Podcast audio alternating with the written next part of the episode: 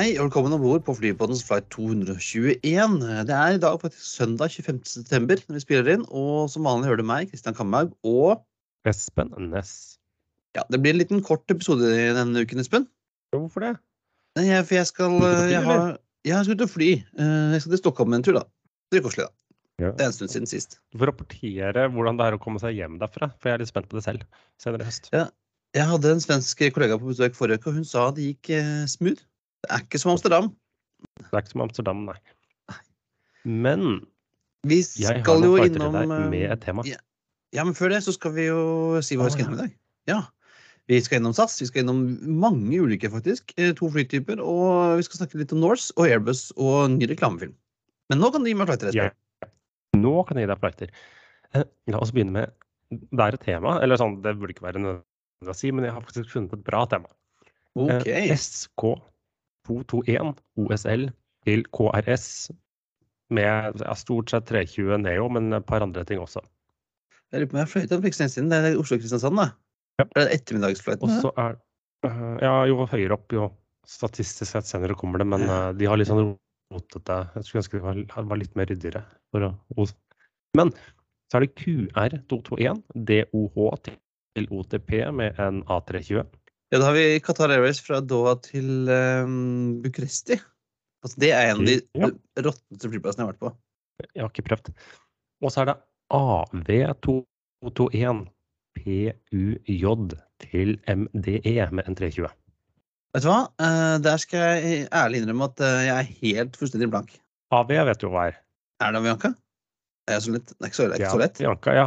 Ja. Nei, og MDE er Medellin. Og det er Medellin, det, da. Ja.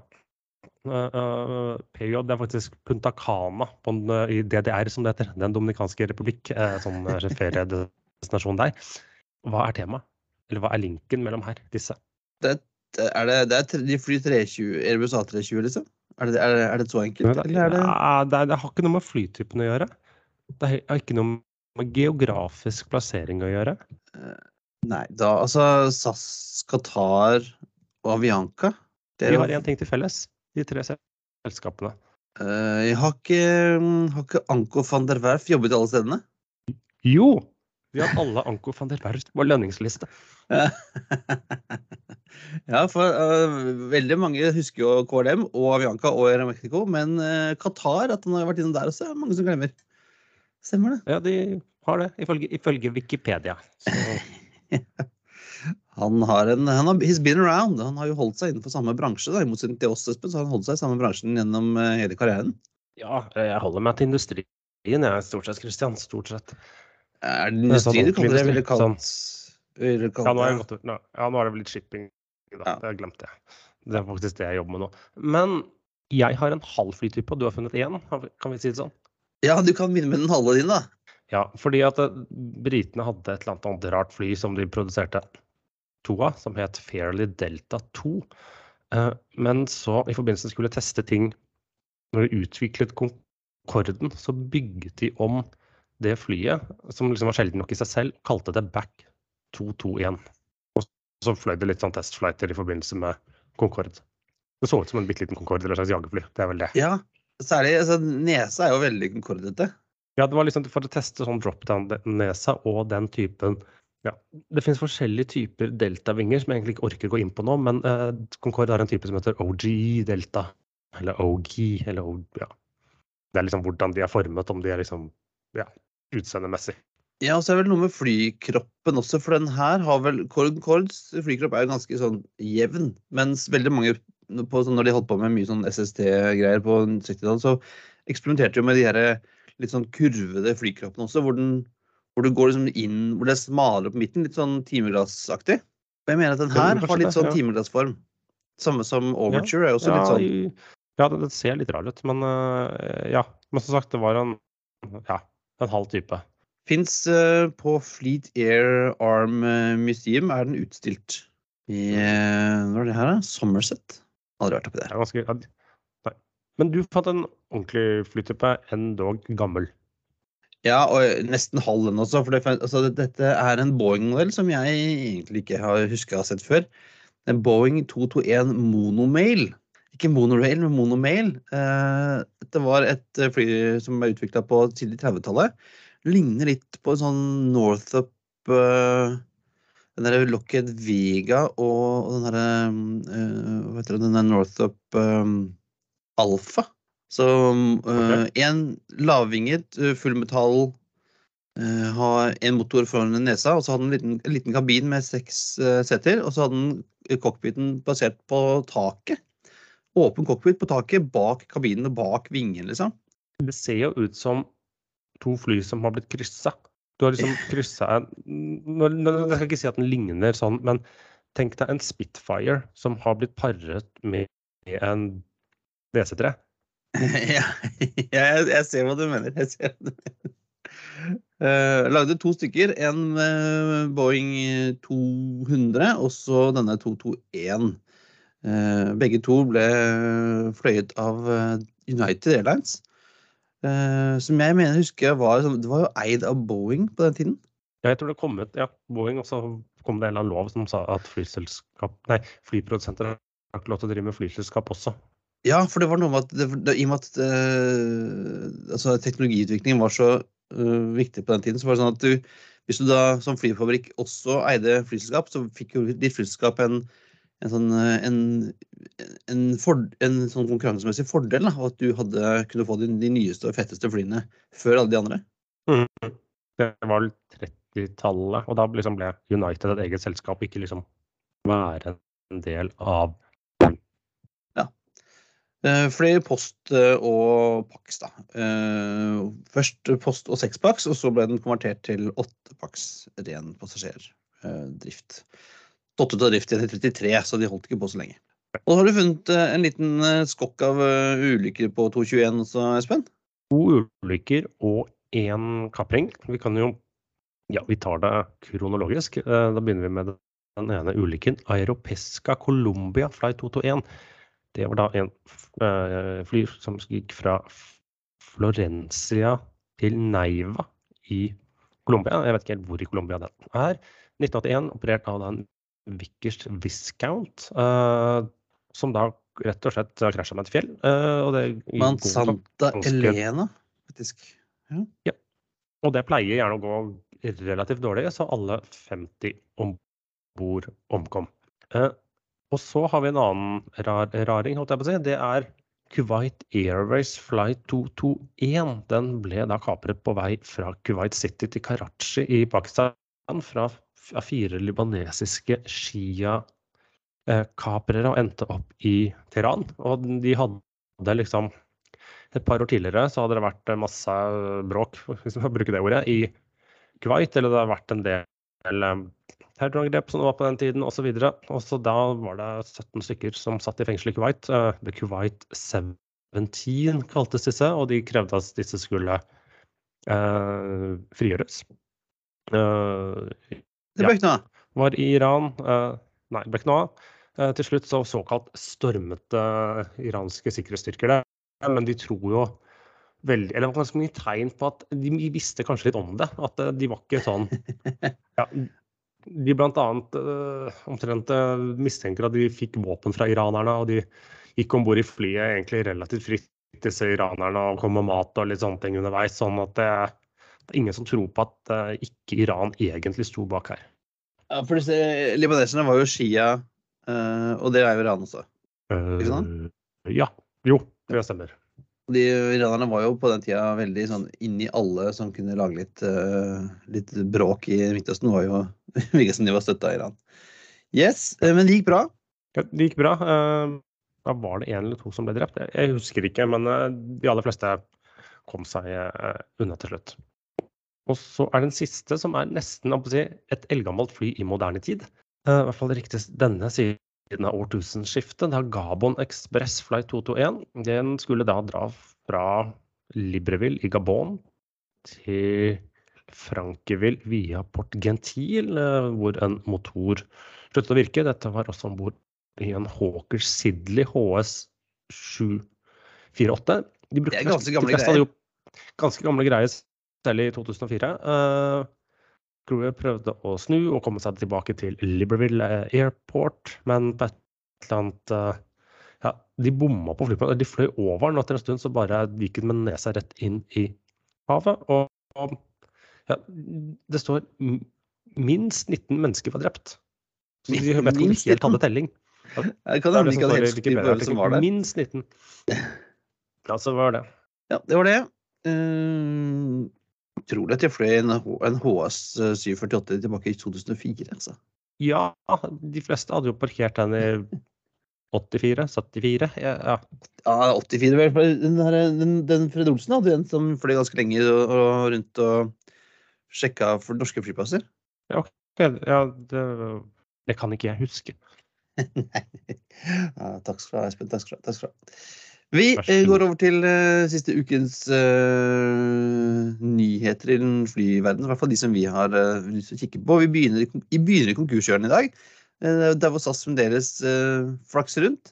Ja, vi snakket jo om var det en eller to uker siden at SAS hadde liksom bedt om såkalt lease rejection på en rekke fly. Rett og slett dumpe det, ja, dumpe det tilbake til leasingselskapene for å slippe å betale for dem. Og det er tydeligvis at det har forsvunnet en del fly, forsvunnet en del fly fra, fra den listen. Sånn det tyder i hvert fall på at de har de klart å forhandle seg tilbake langt bedre vilkår enn det de hadde, siden de velger å øh, beholde dem. Eller slik det ser ut som nå. Dette er en veldig flytende prosess, for å bruke de ordene. Uh, men da de tre A330 300-maskinene de er ikke nå satt opp lease rejection. Og én av to 350-maskiner jeg har ikke gjort det, men det står nå at de skal, fordi jeg fikk godkjent og da den ene A350-en, SERSC, som var liksom den tredje maskinen de fikk, sammen med en 737-700 og de der fire A340-motorene sine.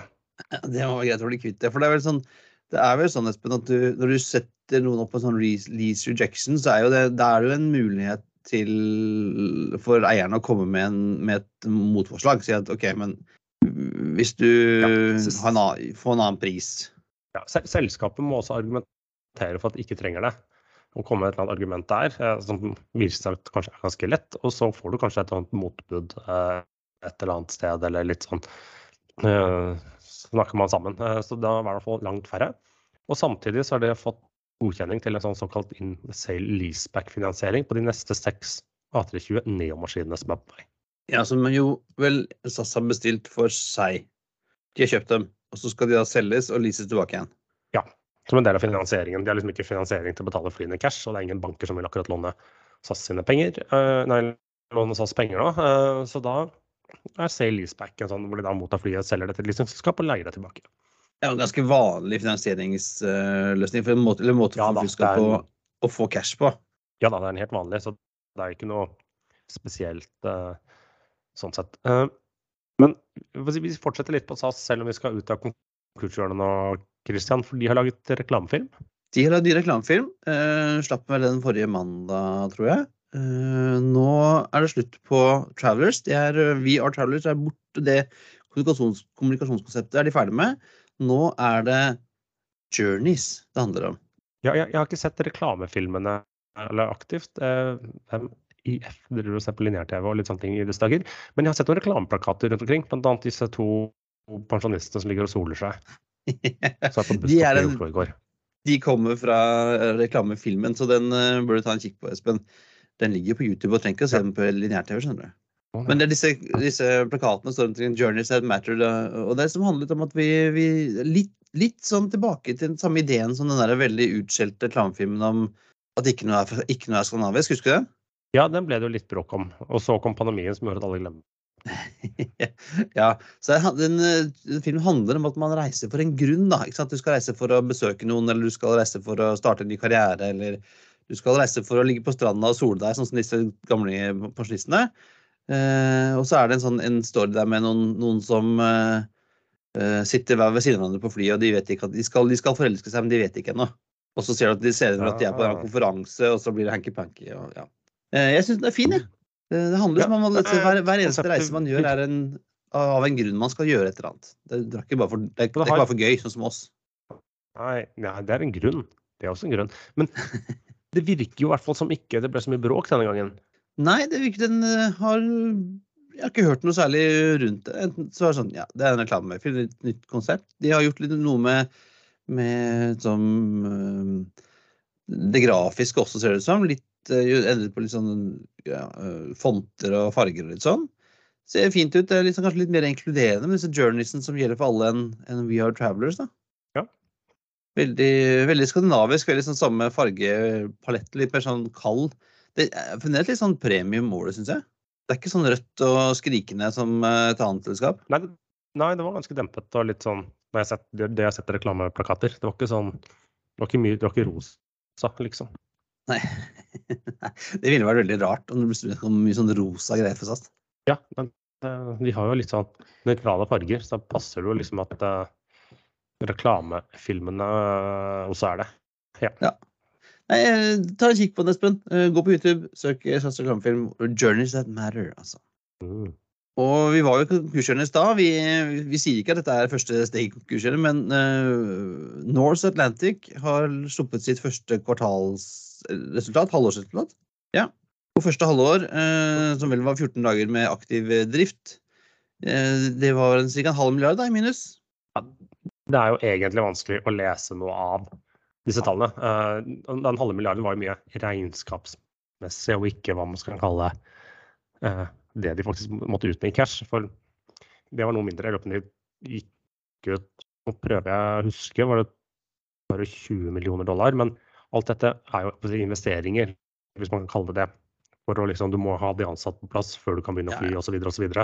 Slik at tallet følte jeg sa meg ingenting. Eh, det som er viktig å bare se på, at de hadde det var drøye 100 millioner kroner dollar, Dollar. fortsatt på konto og, dollar, og sier selv at vi har ikke planer om noen emisjoner, vi har det bra. Eh, og så var det litt som jeg har vært inne på også tidligere, vinteren kommer til å bli dritt, vi må nok kutte litt her og kutte litt der. Og så ser vi fram til neste sommer. Ja. Eh, nå har de fått 13 av 15 Dreamlinere. Alle er fremdeles på sånn Power by the Hour-deal, så det betyr at de kan dra ned produksjonen en god del eh, om det blir litt sånn tøft utover høsten, uten at det koster dem særlig, bortsett fra at de må betale crew fremdeles. Eller har de sånn timepris på de òg? Ja, Det vet jeg ikke, men det kan jo være at de ikke har crew for 15 fly. Eller av de 15 flyene, så er jo da fire utleid til Air Europa, og de snakker om å få leid et femte fly til et eller annet selskap, det sto ikke hva. Eh, Så da sitter de igjen med da blir det ti fly. Ja. Eh, Men så sier de også at de har utsatt oppstarten av programmet. Jeg tipper at egentlig sånn som Paris var planlagt om å starte før. Det sier de vel nå implisitt at først blir neste sommer. Så er det sikkert flere andre ruter som har planlagt startet opp, som de heller holder på tilbake til neste år, siden de da klarer å liksom eh, begrense kostnadene ved å parkere fly og dra ned kapasiteten. Ja, og det de flyr nå, er jo da fra Oslo og Gatwick og Berlin-Brandenburg til eh, JFK, Orlando, LAX og Fort Lauderdale. Men ikke alle fra alle. Eh, nei, alle fra Oslo. Berlin har alle. er det eh, Berlin har ikke enten Fort Lauderdale eller Orlando, jeg husker ikke hvem av dem. Og London er foreløpig bare New York. Ja, um, vi får se da åssen det blir. Jeg sjekka litt eh, Jeg skulle sende en datter til USA neste uke, og jeg sjekka litt liksom, Kunne jeg sende henne til med, med, med Norse til, til LA og så derfra videre til Phoenix, men uh, det var ikke noe særlig billigere enn, om, enn som Fast United. Nei.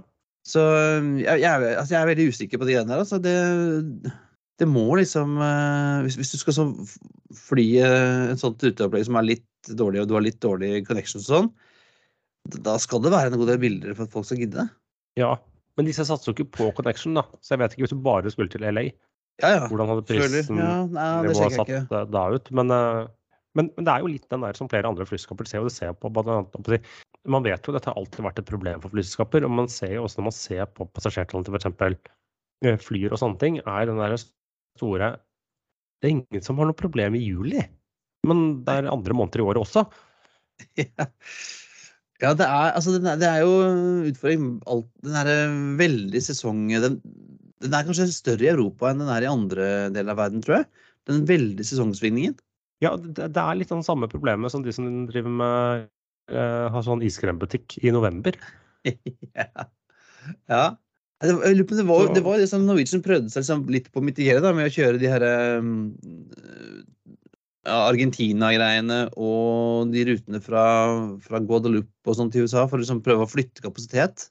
Ja, og så prøver de jo å, å si, dra ned kapasiteten, uh, alle. Så det er jo et, det er et mål si, som de prøver å få. Men så er jo Norwegian skal vel ta ned kapasiteten i vinter med en fjerdedel, mener jeg husker. Um, men det er liksom det problemet er at du kutter jo noen kostnader. Du kutter til litt del av de variable kostnadene, men du har for det ganske mange faste kostnader du ikke blir kvitt. Ja, ja. Så det, det, krever jo da at man har eh, gode, altså fleksible løsninger med leasingselskapene og fleksible løsninger med fagforeningen, slik at kan, du kan tvinge folk til å ta ferie i januar, liksom. Ja, ja. ja eh, det der er jo en, eh, en nøtt, altså. Det er det. Hvordan du skal få det til å funke godt. For det, eh, det er jo ekstreme altså, svinger. Q1 for europeiske selskaper er jo aldri bra. Nei, må ha, men da må du ha, liksom, du må ha nok kall det si, fett å, å, å leve på fra sommeren. Eh, så du er avhengig av det. Og så er du avhengig av å liksom, selge masse billetter neste sommer for å få inn cash. Men nå holder jo disse kredittkortselskapene tilbake penger til de nyoppstartede, litt mer shaky selskapene. Så de får ikke den. Og så får du kanskje ikke den business-trafikken som er litt sånn Holder deg flytende, da. Eh, Nei, du kan ikke kutte for mye, så sånn, da, da blir du sånn uaktuell, da. Ja, det også. Um, men samtidig så har du liksom eh, Mye av forretningstrafikken går jo med hva skal jeg si, ikke nye selskaper. Det er bare en litt sånn greie. Norwegian hadde jo mye, Nå er jo de store på forretningstrafikk, men i starten så var det mye ferie og fritid der. Relativt sett større andel ferie og fritid. Mens etter hvert, som når de har holdt på 20 år, så er jo blitt forretningstrafikken deres også, spesielt her i Norge, en betydelig del. Men det tar litt tid å liksom komme seg på det nivået. Det virker jo som alle sånne nystartede selskaper må liksom starte med ferie- og fritidsreisene. Ja. ja. Vi får krysse fingrene for at det går bra for Norse, da. Uh, se hva de finner på seinere. De har jo gifta seg med, med Dreamlinere, men uh, Airbus Vi snakket jo om A220 sist, og vi snakket om den der forlengelsen også, den stretchen. A220 500. Og den, ja. Uh, ja. Og den er jo en ting som nå Airbus-sjefen um, han Guillem Faury har jo sagt at uh, denne er nok et uh, Denne stretchen er noe, noe, som må til for at uh, A220-familien skal bli suksess, sier han. Ja, men slik jeg tolker det, så må liksom, de må først både liksom få den produksjonskostnaden på flyet og liksom ha en plan for det, og få disse uh, underleverandørene til å levere både mer og, og, billigere. Og så må det være klart nok til markedet, og de må også ha nok hva skal jeg si, det må passe innenfor budsjettene deres på utviklingen. Er det ikke litt sånn, sånn å si? Så det er litt sånn, slik jeg tolker han, spørsmål om tid, men de må bare løse et par Jeg kaller det mer et økonomiske utfordringer enn en tekniske. Ja, ja og, og, jeg tror nok at en del kunder, særlig som Air Baltic annet, har jo signalisert til at de er veldig interessert i en, en stretch. Um, men det, det, programmet må liksom uh, fine-tunes litt sier at de skal uh, nå en, øke produksjonen også fra 6 i måneden til 14 uh, nå i løpet av innen 2025 i hvert fall.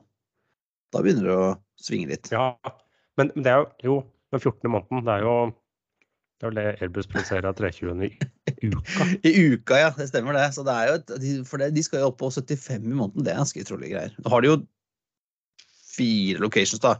Vel, på 320. Men du skal ja. ha tingene på plass. Du skal ja. ha liksom motorleverandører, og du skal lage de vingene lages bare ett sted, og så sendes ut. Så, men ja. ja. Det er en jobb å gjøre. Ja. Nei, eh, jeg er veldig spent jeg, på, på å få 500, og um, kanskje den også kunne kjøre sånn transatlantisk? Kanskje? Uh, ja, men det som skjer når du sånn Everything Alt annet likt er at når du strekker et fly, så får du lavere rekkevidde. Kortere. Ja, Hvis ikke du finner en eller annen sted å putte noen tanker, da. Jo, selvsagt. Eh, det er det. Så jeg kan liksom ikke se for meg Det virker jo som Airbus satser på da 321 XLR og LR og sånne ting som et sånt lite transatlantisk fly. Ja, skal ha enda mindre. ja. Mens vi er inne på 320 uh, eh, Ukas store overraskelse, som ikke var overraskelse, var at kinesiske Xiamen Er det sånn man sier det? Xiamen? Xiamen Airlines. Xiamen Airlines. De uh, er vært tidligere Boeing-kunde. Nå switcher de til Airbus og har nå bestilt uh, firm orders 40 A320 Family Neo. Ja. Uh, for det, En sånn kinesisk flyordre på 40 fly er jo normalt ikke så veldig det er interessant. Men her, Ja, det er småtteri, og så er det ikke det vi normalt fokuserer på. Men det er et flyselskap som kun har fløyet Boeing hittil i karrieren sin. Uh, så husker jeg ikke hvilken av selskapene, de store kinesiske selskapene eier seg. Lurer på om dette er delvis eid av China Southern. Uh, men det er i hvert fall første gang de bestiller Airbus. Uh, og de har jo fortsatt maks i, i, ordre, som de i dag tipper at kanskje de tror de ikke får. Jeg vet ikke, men det er i hvert fall litt ja, interessant. Det er jo veldig Det er ikke så ofte et selskap som aldri har fløyet annet enn Boeing, plutselig hopper over til Airbus. Det skjer iblant, og motsatt. Men det er litt sånn wow når de nyhetene kommer. Ja, og de har ganske mange makser på bestillinga, men de ser jo ikke ut som kineserne kommer til å ta de tilbake i det hele tatt. Jeg vet ikke. Det virker jo som de har ja, god tid av sine grunner. Enten de er gode eller dårlige. Ja. Jeg har jo også, fly også Dreamlinere i tillegg til 727, da. Uh, hadde vel 30 makser på bestilling i 2018. Men de kommer nok ikke tilbake. Husk den. Ja, ja. Og de, de, som de hadde bestilt, er vel kanskje de som, blant de som Boeing nå skal, skal selge, videreselge, da? Tipper jeg. Ja, nei, Boeing skal jo da rett og slett da Er det Boeing skal? Boeing skal hadde 150 sånne Kina-bygde 737 Max-ere som de prøver å få plassert hos andre selskaper. Så, ja, så da, hvis fly skal ha flere, så er det jo bare å ringe, da, tenker jeg. Og så kan de få en bra deal, skulle man tro. Jeg tror det er det på de meste av 737 Max nå, dessverre. eh, ennå. Men det var alt for denne gang. Det er på tide å feste sikkerhetsbeltene, rette opp setet og sikre fri sikt ut av vinduet ettersom flight 221 går inn for landing. Som vanlig finner du linker til det vi har snakket om i dag. Snart forhåpentligvis på Flypodden, eh, men eh, inntil videre på Facebook eh, slash Flypodden og Twitter er Flypodden og Instagram er Flypodden. Og LinkedIn er vi også på. Men har du spørsmål vil du invitere oss på tur eller sponse oss, så er det bare å ta kontakt på Facebook inntil videre. Ja. Så håper vi snart å få flypodden.no opp å stå igjen. Det var det hele. God, God søndag, Espen. tar det ja. God søndag. ha Ha det bra. Thank you for flying with us today. We truly appreciate your business and look forward to serving you on a future flight.